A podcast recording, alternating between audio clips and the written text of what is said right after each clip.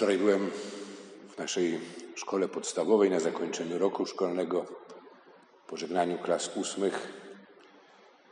Już teraz absolwenci tej szkoły taki krótki program przedstawili, adresowany do swoich młodszych koleżanek i kolegów, rady starszych skierowane do młodszych. I można by to w sumie podsumować, że radzili im, w jaki sposób przetrwać ten czas szkoły w sposób lekki, łatwy, przyjemny, bez większego wysiłku. I mówię o tym tutaj dlatego, bo wydaje mi się, że dla bardzo wielu taki ideał udanego i szczęśliwego życia to jest życie, które jest przeżywane właśnie w sposób łatwy, lekki, przyjemny, bez większego trudu i wysiłku. Tylko problem pojawia się od razu na samym początku, że w to życie, jakie by nie było, wpisana jest śmierć. I że życie łatwe, lekkie i przyjemne tak naprawdę nie jest możliwe, bo w życiu każdej i każdego z nas przychodzą momenty trudne, chwile zmagania się ze sobą, z zewnętrznymi okolicznościami, czas, w którym musimy walczyć też i o to, aby nie zatracić poczucia sensu, wartości naszego życia, kiedy musimy walczyć o dochowanie wierności, walczyć o miłość i zmagać się też i z trwogą, z lękiem, jakie napełnia nasze, napełnione jest, jakimi napełnione jest nasze serce wobec przeszkód, które wydają się nie do pokonania i coraz y, bliższej, niemal odczuwanej obecności śmierci. Obecności poprzez y, chorobę, y, czy śmierć ludzi nam bliskich, ludzi kochanych, czy też poprzez nasze własne dolegliwości i świadomość, że każdy przeżyty dzień przybliża nas też i do tego momentu w naszym życiu. I o tym przypomina nam dzisiaj Słowo Boże. Można by powiedzieć, że zupełnie niepoprawne politycznie w tę pierwszą niedzielę wakacji. Ale potraktujmy to jako słowo miłości, troski o nas y, i o innych.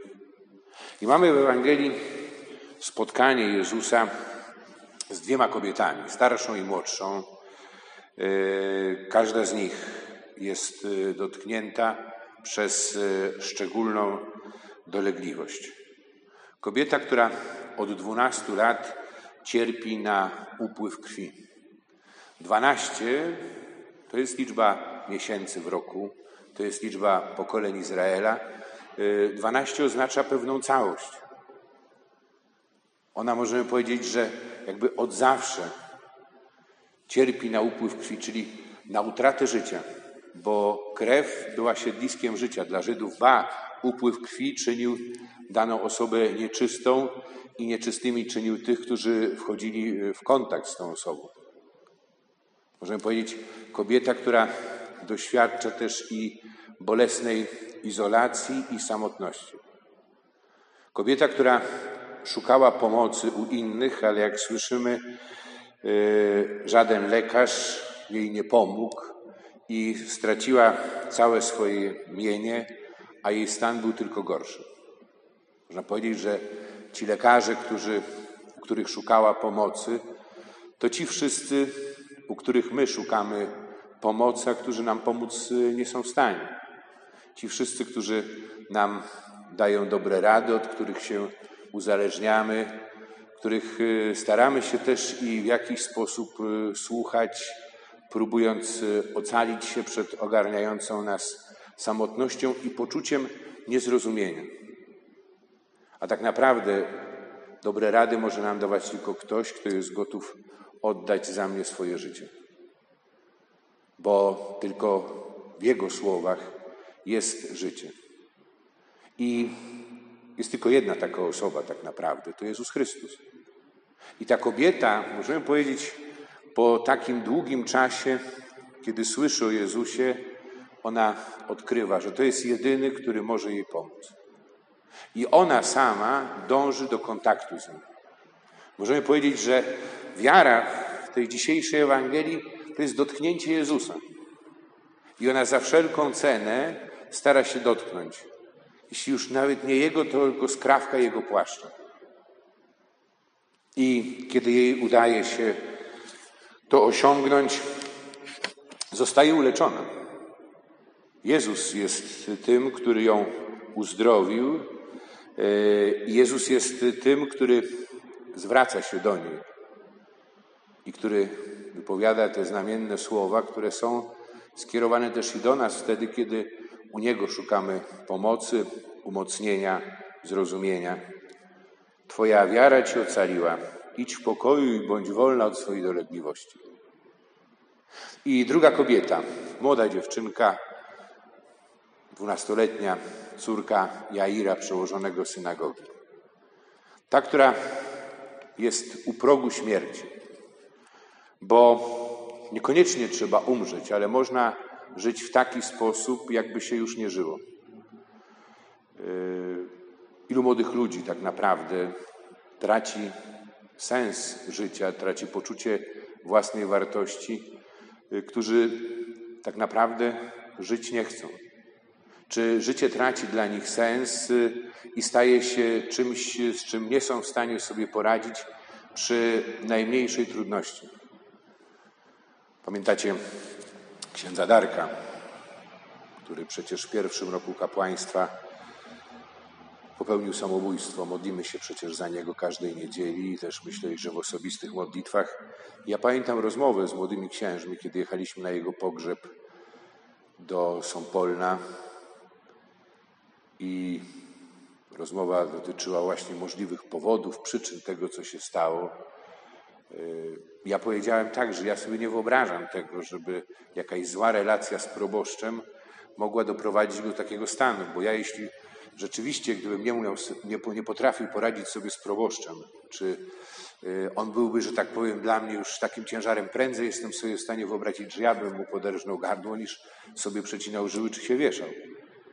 A oni mi powiedzieli tak, bo ksiądz walczył całe życie, bo ksiądz walczył w szkole, i na studiach, i w seminarium, a my dotrzymaliśmy wszystko gotowe. I tak naprawdę to, co mamy, nas nic nie kosztowało. I dla nas jakikolwiek większy problem to jest jak zderzenie czołowe z ciężarówką.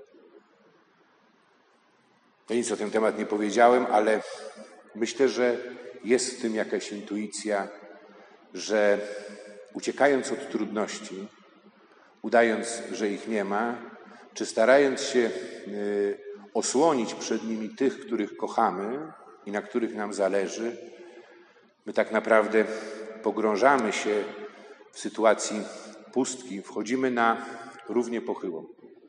A dzisiejsze Słowo Boże zaprasza nas do czegoś innego, abyśmy szukali pomocy u tego, o którym święty Paweł pisze w drugim czytaniu, że sam stał się ubogim po to, aby nas swoim ubóstwem ubogacić. Że w Jego słabości, w Jego wydaniu się, e, w Jego męce, śmierci, ale też i zmartwychwstaniu. Jest moc i siła. Jest sens naszych e, zmagań się. Jest e, wartość każdego, nawet najbardziej poranionego, pokaleczonego czy splugawionego życia. Że każde życie ma wartość. Wartość od poczęcia aż do naturalnej śmierci. To, o co walczy Kościół i przez co dzisiaj w tych okolicznościach w sposób szczególny naraża się na e, ataki ze strony sprawujących władzę. Tych, dla których godność człowieka, osoby ludzkiej jest tylko hasłem, którego używają w wzniosłych przemówieniach, ale które tak naprawdę nie jest rzeczywistością. My potrzebujemy Jezusa i potrzebujemy móc Go dotknąć. Gdzie mogę dotknąć Jezusa? W Kościele, poprzez moje uczestnictwo w sakramentach. Sakramenty święte to są widzialne znaki niewidzialnej łaski. To jest y, jakby zmysłowy kontakt z rzeczywistością y, niewidzialną. Ale sam Kościół i my jako wspólnota jesteśmy sakramentem. My potrzebujemy siebie wzajemnie po to, aby móc odczuć obecność i bliskość Boga. W wyciągniętej dłoni, w spojrzeniu pełnym miłości.